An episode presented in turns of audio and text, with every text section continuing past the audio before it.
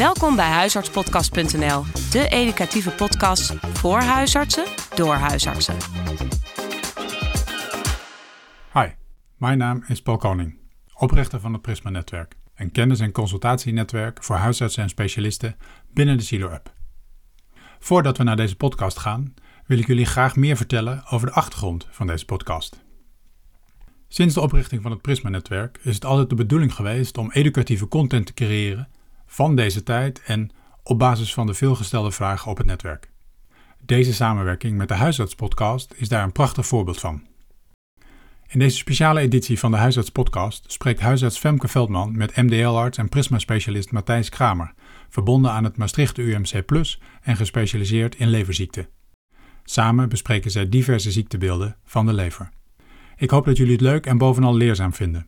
Laat het ons weten en vooral ook welke onderwerpen we in de toekomst in podcastvorm zouden moeten bespreken volgens jullie. Veel plezier met het luisteren van deze podcast. Hallo beste luisteraars, leuk dat jullie weer luisteren. Ik ben Femke Veldman en welkom bij deze nieuwe podcast. En wel de eerste podcast die is gemaakt in samenwerking met Prisma, het netwerk voor dokters met als doel Move Knowledge, Not Patients. In deze podcast bespreken we alles rondom de lever, de definities, de ziektebeelden, interpretaties van het lab, leversteatose en leverfunctiestoornissen. En hiervoor heb ik aan de telefoon Matthijs Kramer. Hallo Matthijs. Hallo Femke, Goeie, goeiedag. Goed dat we eindelijk deze podcast samen kunnen opnemen. Om jou even voor te stellen, jij bent MDL-arts met aandachtsgebied hepatologie. En jij bent sinds september 2019 ben je verbonden aan het Maastricht UMC Plus. Ja, dat klopt. Wat fijn dat wij samen hierover kunnen spreken over de lever. Want het is toch een lastig orgaan soms. Ja, zeker. Dat uh, merken we aan de verwijzingen van, van huisartsen of medespecialisten. Dat, dat het zeker uh, uh, af en toe lastig kan zijn om te interpreteren wat er nou precies aan de hand is met de lever. En dat is eerlijk gezegd ook moeilijk, zeker als je niet de beschikking hebt hè, tot uitgebreid aanvullend onderzoek zoals in een huisartsenpraktijk. Ja. Dus ik ben het helemaal eens dat dat erg lastig kan zijn. Ja. Ja, nou misschien is het leuk voor straks om nog eens te vertellen wat voor dingen je nou als verwijzing krijgt waarbij je denkt, nou, dat, dat had anders gekund of hiermee gekund. Maar voordat we daar naartoe gaan, gaan we eerst eens even hebben over de definities rondom de lever. Over leverenzymstoornissen, leverfunctiestoornissen en leverfalen. Kan je ons daarin meenemen? Ja, zeker, zeker. Ik denk dat uh, de, de, termen worden vaak door elkaar gebruikt. Met name leverenzymstoornissen of leverfunctiestoornissen. Uh, dat zijn echt niet alleen de huisartsen die dat door elkaar gebruiken. Dat doen ook de specialisten. Uh, en soms zelfs maag-darm-leverartsen. maar als we beginnen bij de overkoepelende termen. Dat zijn de leverenzymstoornissen.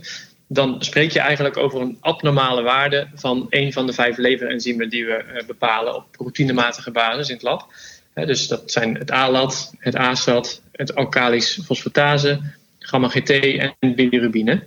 Uh, en in de huisartsenpraktijk kan ik me voorstellen dat die vijf natuurlijk niet allemaal tegelijk bepaald worden. Uh, maar dat zijn de vijf leverenzymstoornissen die we vaak bepalen. Op het moment dat een van die waarden uh, boven de afgesproken normaalwaarde is, kun je spreken van een leverenzymstoornis, die op zichzelf natuurlijk nog helemaal geen klinische betekenis hoeft te hebben. Um, een leverfunctiestoornis, dat is toch iets anders, want dan heb je het natuurlijk over de observatie, waarschijnlijk in het lab, in het bloedonderzoek, dat de lever zijn functie niet goed kan uitoefenen. Ja. Um, en dan betekent natuurlijk dat er een, een, leverziekte of een leverbeschadiging onder kan zitten, welke oorzaak dan ook. Um, en de leverfunctie wordt doorgaans bepaald door bijvoorbeeld de INR of de PT-waarde te bepalen. bilirubine, want een van de functies van de lever is het, uh, ja, het conjugeren van bilirubine als afbraakproduct van, uh, van rode bloedcellen of heem. En op het moment dat die lever daar moeite mee heeft, uh, ja, zie je een verhoging in het bilirubine of een verhoging in die PT of INR-waarde. En dan kun je spreken van een leverfunctiestoornis. En ja, goed, dat gaat natuurlijk vaak gepaard met leverenzymstoornissen in het algemeen. Um, leverfalen kan ik beter zo meteen even apart op terugkomen, want dat is een extreem zeldzame diagnose die ja, nog geen honderd keer per jaar in heel Nederland wordt vastgesteld. En waar de gemiddelde huisarts dus in zijn carrière uh, waarschijnlijk nooit mee te maken gaat krijgen. Ja, dus we gaan straks uh, komen nog terug op de leverfunctiestoornis, ook met medicatie en zo. Dus we gaan er allemaal nog verder op in. Maar we gaan eerst beginnen met de leverenzymstoornis. Uh, hoe komt dat ook alweer? Wanneer moet je waar aan denken? Ja, we, we delen de waarden, uh, de leverwaarden eigenlijk in, in, in twee groepen. je hebt de leverwaarden die iets zeggen over echt hepatocellulaire schade, dus beschadiging of het kapotgaan van de levercellen. En dat is het, het ALAT en het ASAT, dus de alanine aspartaat aminotransferase en het aspartaat aminotransferase. Um, dat zijn markers voor leverschade. Hè, dus hepatitis, om het uh, kort te zeggen. Niet per se alleen maar door een virus, het kan ook door medicatie of andere dingen. Uh, maar dat zijn de markers die we gebruiken voor beschadiging van levercellen. En noem je dan de schade aan hepatocyten, noem je dat altijd een hepatitis? Ja, als je een uh, verhoogd ALAT of ASAT in het uh, bloed hebt, wat door leverschade komt, hè, want dat is nog een andere instinker, uh, dan mag je dat hepatitis noemen. Um, waarbij ja, natuurlijk in het algemeen gelijk wordt gedacht aan virushepatitis. Ja. Maar hepatitis is net zoals dat voor iedere term geldt, niks anders dan een ontsteking van de lever. Ja. en die wordt het meest zuiver weergegeven door verhoogde ALAT en ASAT-waarden. Um, want dat is inherent aan beschadiging van de hepatocyten inderdaad. Um, het is belangrijk uh, in sommige gevallen hè, om een onderscheid te maken van komt, komt dit wel uit de lever? En daarom is er volgens mij in de NAG-standaard ook gekozen voor het bepalen van ALAT en niet ASAT. Hè, omdat dit soort enzymen natuurlijk ook in andere weefsels voorkomen, als hart of spieren of, of hersenen. Ja. Uh, dus het ASAT is wat minder specifiek voor de lever, ja. uh, terwijl het ALAT daarvoor wat specifieker is. Ja. Als we de andere groep bekijken, hè, dan hebben we het over het alkalisch fosfatase of het gamma-GT. Um, dat zijn ook uh, enzymen. Die zijn veel meer verhoogd in het geval van bijvoorbeeld cholestatische problemen. Hè, dus obstructie door galstenen of alvleeskliertumor of intrahepatische cholestase bij leverziektes. En die komen niet per se alleen maar vrij uit de hepatocyten, maar ook bijvoorbeeld galweg-epitheel. dus dat noemen we de groep cholestatische leverenzymen. En als deze enzymen verhoogd zijn, dan, dan denken we in de eerste instantie vaker aan of een effect van medicatie of een, uh, een galwegziekte of obstructie van die galweg. Oké, okay, dus cholestatisch is gamma-GT alkalisch fosfatase. En een hepatitisbeeld, meer de beschadiging van de hepatocyten, is het uh, ASAT en de ALAT, waarbij ALAT ja. meer specifiek is voor de lever. Klopt, ja, ja. klopt helemaal. Kijk, bilirubine gebruiken we natuurlijk ook. Hè. Dat is zowel een maat voor. Hè, je kunt dat gebruiken als er sprake is van een cholestatische aandoening of een cholestatisch probleem. Uh, maar ook voor de leverfunctie.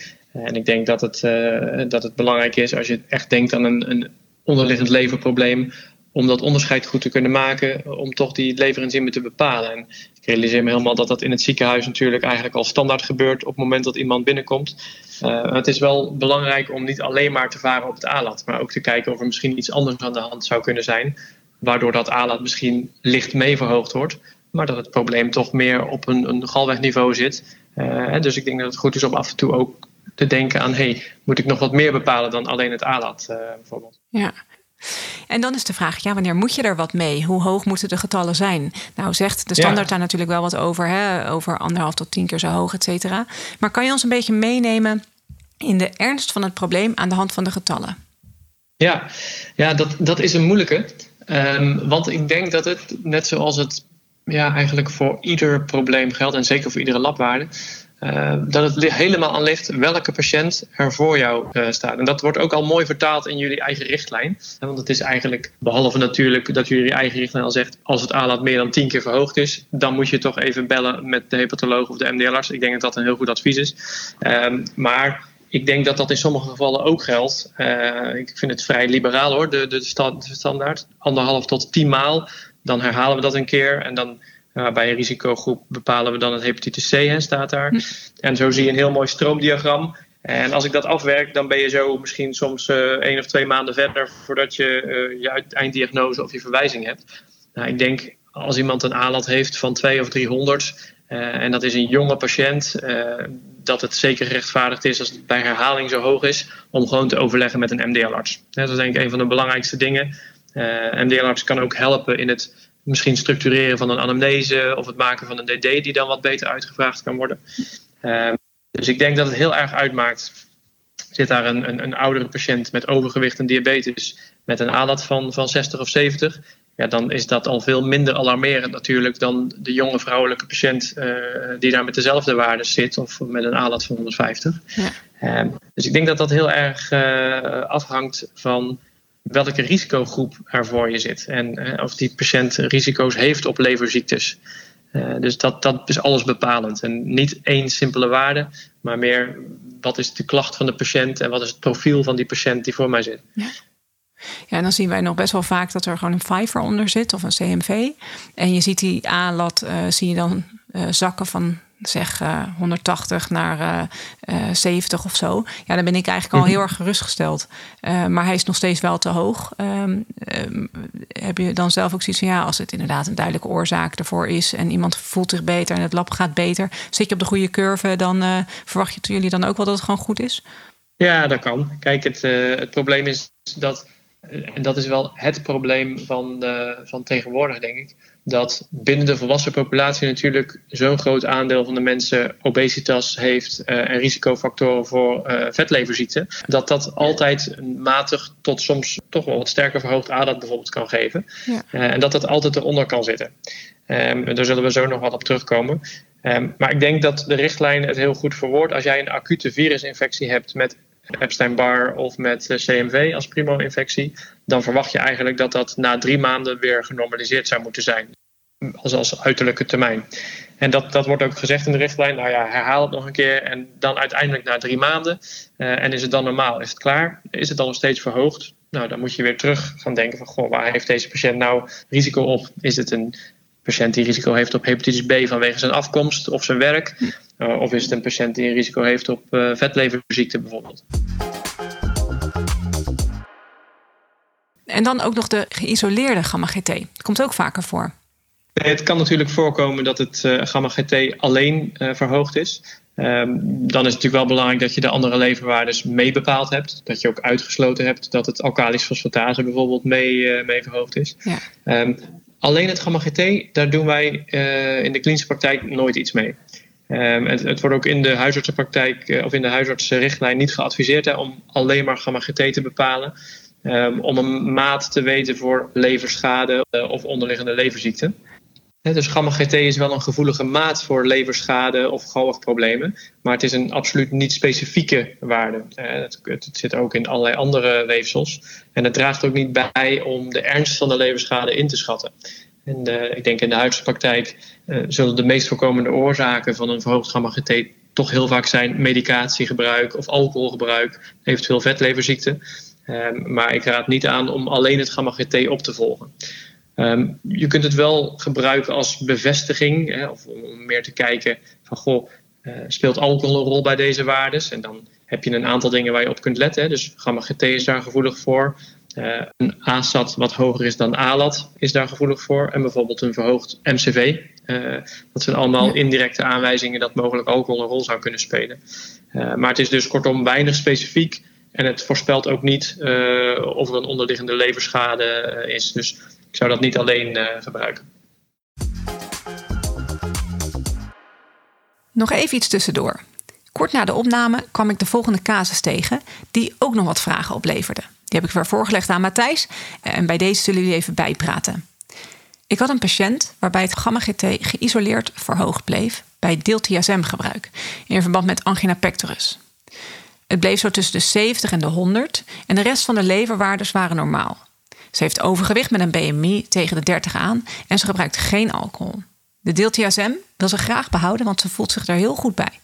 Ik vroeg me dus af, wat moet ik hier nou mee? Kunnen we die medicatie gewoon continueren? Matthijs vertelde tegen mij dat die medicatie die kan gewoon gecontinueerd worden. Een bovenwaarde hierbij is lastig te geven, omdat er bij een geïsoleerd verhoogd gamma-GT eigenlijk nooit actie wordt ondernomen als andere oorzaken niet waarschijnlijk zijn. Maar een geïsoleerd gamma-GT waarvan je denkt dat dit door een medicijn komt, waar iemand baat bij heeft, zou je zeker een hogere waarde kunnen accepteren als de rest van de leverenzymen normaal blijft. Dan zou je bijvoorbeeld kunnen accepteren dat het 3 tot 10 keer de upper limit of normal is. Nou, dat is natuurlijk geen richtlijn of iets dergelijks, maar een beetje een idee te hebben. Aangezien je nooit weet of het gamma-GT door medicatie komt, is het wel slim om het op te volgen, maar dan met name dus ook met aanvullende leverenzymen daarbij. Nou, dan was nog even de vraag of het BMI er nog een rol speelt. En inderdaad, bij deze BMI kan het gamma-GT ook verhoogd zijn door een non-alcoholische steatosis hepatis. Maar het is niet je doel om dat gamma-GT per se laag te houden, Maar het is wel het doel om het BMI laag te houden, omdat het uiteraard gewoon risicoverlagend werkt qua CVRM en NAFLD. We gaan weer terug naar de podcast. Ja, en zo rollen we door van de gamma-GT naar uh, het leverfalen. We hadden in het begin al kort over leverfalen, dat het zeldzaam was. Maar kan je ons nog eens ja, vertellen wanneer we dan toch mee te maken zouden kunnen hebben? Ja, het is zoals je inderdaad zegt een, een zeer zeldzame diagnose, minder dan 100 keer per jaar. Um, en leverfalen is echt een op zichzelf staand ziektebeeld. dus uh, we hebben daar een, hele duidelijke definitie uh, voor. dus in de eerste instantie moet er sprake zijn van leverschade. Nou, dat hebben we gedefinieerd als minimaal drie keer verhoogd ALAT. Uh, in de tweede instantie moet dat ook gepaard gaan met een slechtere leverfunctie. Nou, we hebben al eerder genoemd, daar kun je gebruiken bilirubine of INR. In deze definitie is gekozen voor een INR boven de 1,5. Maar het meest belangrijke is dat het altijd in combinatie moet zijn met verschijnselen van hepatische encefalopathie. Mm En hepatische encefalopathie is een, een, denk een term die niet dagelijks uh, wordt gebruikt in de huisartsenpraktijk. Uh, maar dat is een ja, neuropsychiatrisch uh, ziektebeeld door ja, verminderde afbraak van afvalstoffen, onder andere ammoniak. waardoor de patiënt verward raakt, versuft raakt, dag-nachtritme omdraait, apraxie heeft. Uh, dat is wel een, uh, ja, een, essentieel component van de term of van de definitie van leverfalen. Ja. Um, ik denk nogmaals dat de gemiddelde huisarts, hè, gezien de frequentie, um, niet te maken gaat krijgen met iemand met leverfalen. Dat deze mensen ja, vaak op de spoedeisende hulp direct gezien worden of, uh, of, of, of zelfs nog erg op de intensive care. Maar dat het wel heel belangrijk is bij een patiënt die ja, bijvoorbeeld net nieuwe medicaties gestart of waarvan je denkt dat hij een virusinfectie heeft gehad en die patiënt komt ineens binnen uh, en is toch heel anders in gedrag uh, en heeft leverenzymstoornissen met ook een INR boven de anderhalf. Ja, dat is altijd reden om te overleggen met, uh, met een MDL-arts. Ja. Omdat dat iets is wat soms in, in de loop van een halve dag tot een dag zeer ernstig kan ontsporen. maar goed, nogmaals, zeer zeldzaam. Ja. Maar een INR, dat bepalen wij niet veel, zomaar. Nee. Um, ik hoor jou nu niet over een bilirubine. Nee, het, het, is geen onderdeel van de, het is geen onderdeel van de definitie. Uh, maar uiteraard, uh, kijk, mensen met leverfalen hebben in het overgrote meerderheid van de, van de gevallen ook een verstoord bilirubine. Ja. Want dat zie je. Dus dan kan je dat gewoon op het klinisch beeld uh, erop afgaan. Dat, dat zou kunnen. Maar niet, niet iedereen met leverfalen hoeft ook echt icterisch te zijn. Dat is zeker wel vaak het geval. Um, maar goed, gezien de, de frequentie van de aandoening, denk ik dat het belangrijk is. Heb je een patiënt met leverenzymstoornissen die hè, toch wat forser zijn? Want we hebben hier als grens transaminases drie, meer dan drie keer verhoogd. De meeste leverfalens komen als reactie op een medicijn.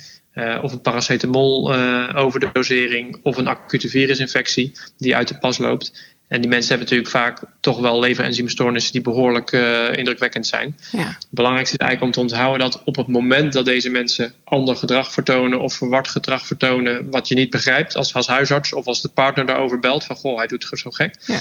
Dat dat echt een reden is om even twee keer na te denken van hé, hey, zou hier dan misschien een, ja. een leverfalen kunnen onderzitten.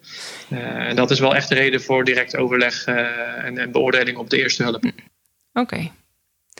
Nou, dan gaan we van dit wat meer zeldzame probleem naar een uh, minder zeldzaam probleem, namelijk het geven van medicatie.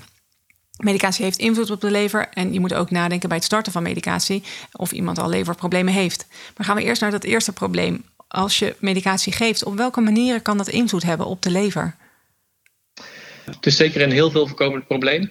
En we zien dat medicatie die voorgeschreven wordt uh, in, in, behoorlijk grote aantallen uh, patiënten de oorzaak is van uiteindelijk van de leverenzymstoornissen.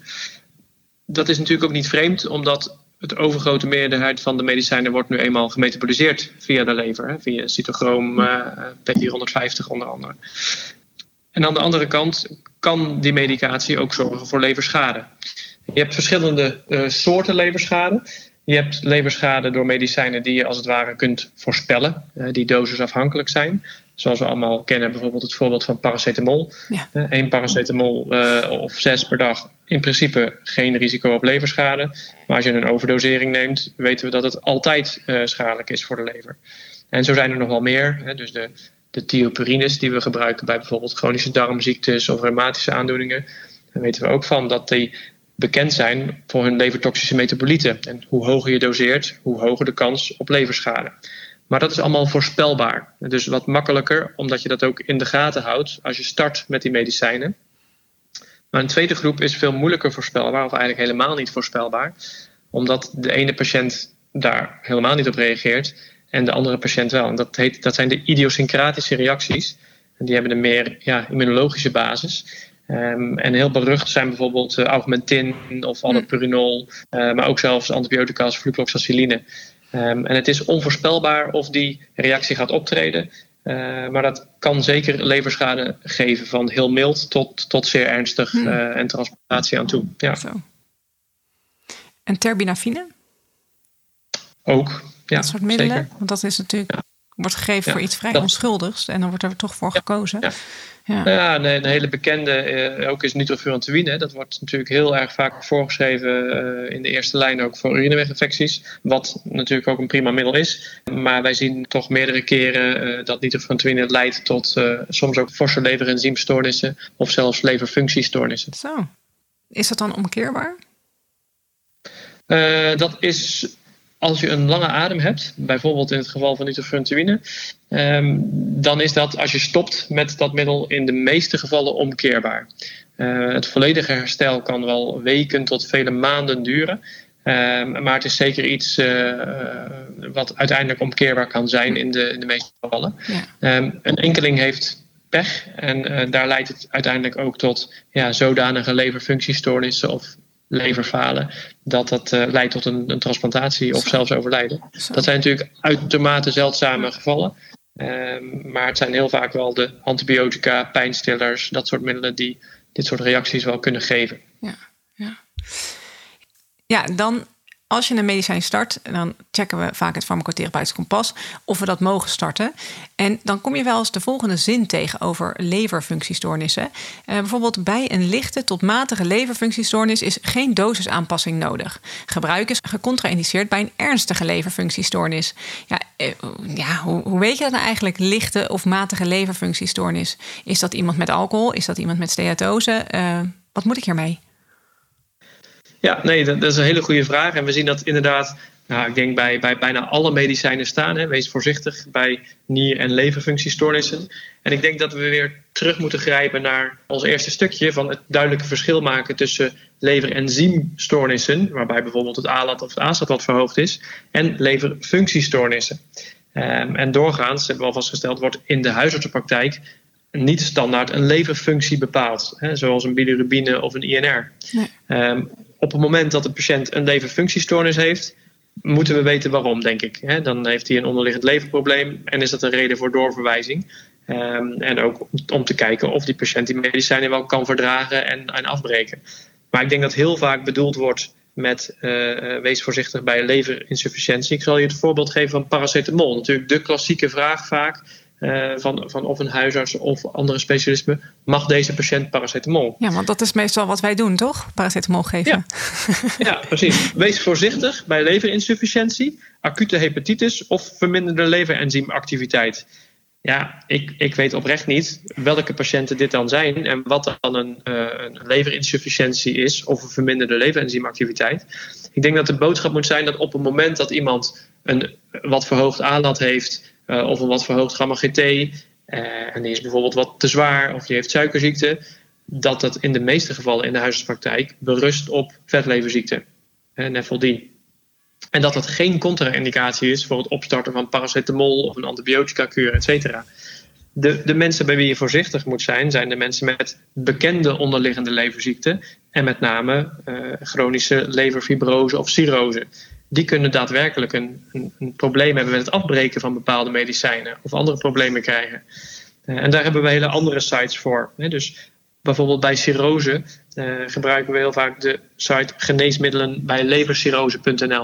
Dat is een prachtige site gemaakt door apothekers en MDL-artsen. Uh, en die hebben op basis van een, een grondig literatuuronderzoek bekeken of er inderdaad wel een reden is om bijvoorbeeld paracetamol of bepaalde antibiotica wel of niet te kunnen geven bij levercirrose patiënten. Uh, en dat, dat gebruiken wij veel vaker dan het kompas. Uh, dus ik denk dat de boodschap moet zijn: heb je een patiënt die inderdaad een leverfunctiestoornis heeft, dan moet hij gewoon naar de MDL. Want dan moeten we weten waarom heeft die patiënt dan een slechte leverfunctie. En kan die de medicijnen allemaal wel gebruiken. En andersom, als je een patiënt hebt met een wat verhoogd gamma GT of ALAT, met een, ook nog een risicofactor, zoals bijvoorbeeld overgewicht of metabol syndroom, dan denk ik dat er eigenlijk weinig argumenten zijn om niet te gaan starten met een bepaald middel als daar een goede indicatie voor is. Uh, het is natuurlijk dan altijd verstandig misschien om een keer uh, enkele weken later een keer een leverlab te bepalen. Ja, want in principe is deze groep, die laatste groep die je bedoelt, uh, bijvoorbeeld de NAFLD, dan heb je geen leverfunctiestoornis, maar dan heb je wat leverenzymstoornis misschien. Ja, ja, het over, overgrote meerderheid van de NAFLD-patiënten met, uh, met, met leververvetting uh, heeft wat leverenzymstoornissen, uh, maar heeft een, een prima leverfunctie. Ja. Het is pas helemaal aan het einde van het proces van leververvetting, in de, ja, in de aantal ongelukkigen die levercirrose ontwikkelen, dat je ook echt leverfunctieproblemen krijgt. Ja, en dat is absoluut de, de, de minderheid. Ja. Nou, dit is een mooie aanvulling. En we zullen die website zullen we even bij de show notes ook zetten. En dan kan je die ook terugvinden daar. En uiteraard, als hier vragen over zijn, stel ze gerust. Dan spelen we dat weer door naar Matthijs. Je hebt al een paar keer erover gehad, over de NEFLD, uh, metabol syndroom. Het komt veel voor in de huisartspraktijk, bij jullie op de polyveel.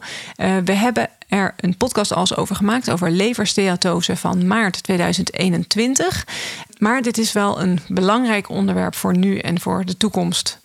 Ligt dat eens toe? Ja, ik denk dat het zeker belangrijk is. Hè. In de context van, van deze podcast, leverenzymstoornissen, is het gewoon heel waarschijnlijk dat nu en in de toekomst uh, NASH, ik ga er zo wat meer over vertellen, de meest voorkomende oorzaak gaat zijn van leverenzymstoornissen.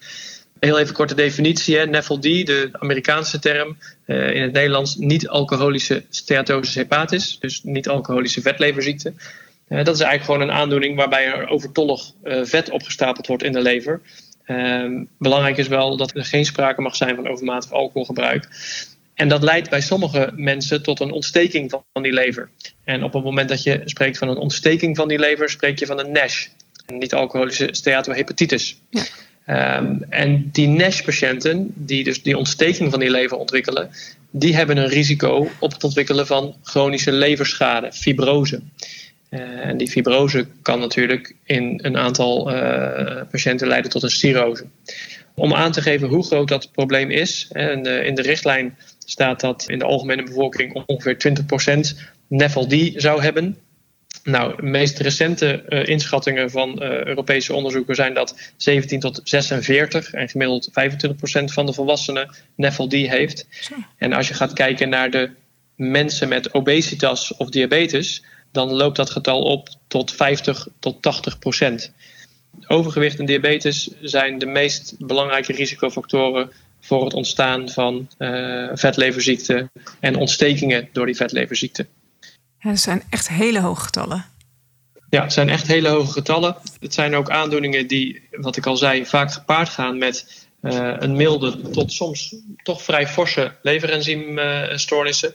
Leverfunctiestoornissen zien we eigenlijk niet hè, als er geen sprake is van cirrose, uh, maar wel forse leverenzymstoornissen.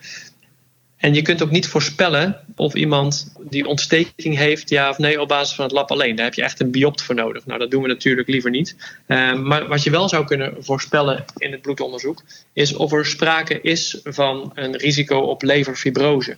En dat zou natuurlijk een reden zijn om die patiënt door te verwijzen naar de MDL-arts, om dat beter in kaart te brengen, omdat dat echt natuurlijk voor je levergezondheid uh, belangrijk is. Ik denk dat buiten kijf staat dat iemand met leververvetting, obesitas of diabetes op alle fronten gebaat is bij uh, afvallen, een strakke regulering uh, van zijn diabetes, gezond gewicht nastreven, activiteit. Gewoon in het kader van cardiovasculair risicomanagement. Maar dat in het bijzonder die aandacht voor de onderliggende leverschade ook bij de huisarts een plek zou kunnen hebben. Bijvoorbeeld bij, bij een jaarlijkse controle of iets dergelijks. Er bestaan namelijk scores die ook in de huisartsenpraktijk vrij eenvoudig zijn te bepalen. Uh, die je kunnen helpen bij de beslissing om een patiënt wel of niet door te verwijzen om chronische leverschade uit te sluiten. En, en een van die scores is de FIP4-score, de fibrose 4-score. En dat is een, een score die berust op ALAT, ASAT en de bloedplaatjes met de leeftijd van de patiënt. en als je die in een formule stopt, die natuurlijk verkrijgbaar zijn op internet, dan helpt die score jou een inschatting te maken of iemand gevorderde fibrose heeft of niet. En op het moment dat jij een patiënt voor je hebt die voldoet aan het profiel uh, van iemand met, met NASH of een vetleverziekte, dat kan zijn obesitas, diabetes of steatose op een echo bijvoorbeeld. Ja. En je bepaalt die score en die is hoog. Uh, die suggereert gevorderde fibrose. Dan heb je, uh, wat mij betreft, echt een valide argument om zo'n patiënt door te verwijzen naar de MDL voor aanvullend onderzoek. Ja, ik heb hem hier voor me inderdaad. De VIP4-score is heel makkelijk te vinden op, uh, op het web. En we zullen het ook nog even in de show notes zetten. Um, als je nou normale waardes allemaal hebt, gewoon normale waardes, ASWAT, ALAT, uh, bloedplaatjes, kan die dan ook afwijkend zijn of niet? Nee, nee, als jij vol, volstrekt normale ALAT, AZAT-waardes hebt en normale bloedplaatjes, dus- dan zul je, niet, uh, zul je niet in de hoek van gevorderde fibrose uitkomen. Nee. En dan uh, uiteraard de leverenzymen die gaan omhoog op het moment dat er problemen zijn. En wat gebeurt er met je bloedplaatjes ook alweer? De bloedplaatjes die zijn vaak een uiting van wat gevorderde leverziekte. Uh, vandaar dat ze ook in die formule staan. Dus misschien wat complex, maar op het moment dat jij een gevorderde leverziekte hebt en de druk in jouw lever wordt wat hoger door die verlittekening die ontstaat. Kun je soms uh, inderdaad een, een trombopenie krijgen. Okay. Uh, dus dat is, uh, dat is een beetje de achterliggende gedachte. Ja, dus die gaan wat naar beneden en de enzymen die gaan omhoog. Um, kan, je, kan je omschrijven hoe groot dit probleem is of de, wat de verdenking is wat het gaat worden? Nee, ik denk dat het een, een enorm probleem is. Hè. Dus ehm, we weten allemaal dat de, de westerse populatie steeds zwaarder wordt, uh, dat we steeds minder bewegen. En dat zien we terug in, uh, in een enorme stijging uh, van het voorkomen van vetleverziekten. En ook chronische leverziekten daardoor, cirrose bijvoorbeeld. Om een, een getal te noemen, op dit moment is in de Verenigde Staten chronische leverschade en levercirrose en ook leverkanker door vetleverziekte de nummer één reden voor levertransplantatie. Ehm, terwijl dat vroeger virusinfecties waren of alcoholgebruik. Ja. Uh, dus dat, dat geeft aan, en Europa loopt vaak een paar jaar achter. Maar ook hier uh, zijn onze polies goed gevuld met mensen met uh, bijvoorbeeld chronische leverziektes door leververvetting. Dus het is inderdaad een enorm probleem. En heel veel ja, specialisten luiden ook de, de noodklok daarvoor.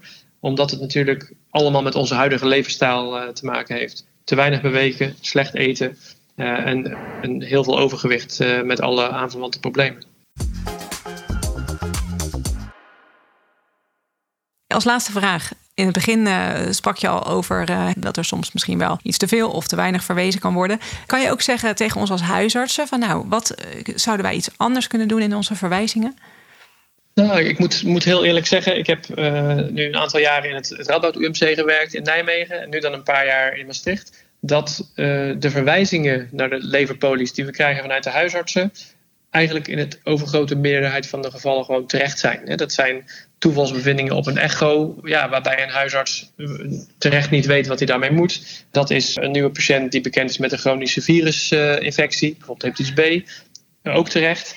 Dus het, het, komt eigenlijk zelden voor dat we ons achter de oren krabben van goh, waarom wordt deze patiënt nou verwezen? Helemaal niet. Ook omdat we ons natuurlijk terdege bewust zijn dat de middelen die in een huisartspraktijk zijn, ja, uh, natuurlijk heel veel beperkter zijn dan die we in het ziekenhuis hebben. En dat het dus ook heel moeilijk kan zijn om te bepalen wat nou onschuldig is en waar wel iets mee moet.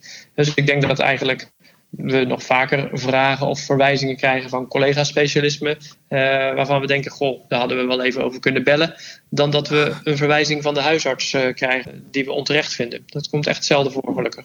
Nou, dat is goed om te horen, huisartsen hey Matthijs, hartelijk dank dat je hebt mee willen werken aan deze podcast.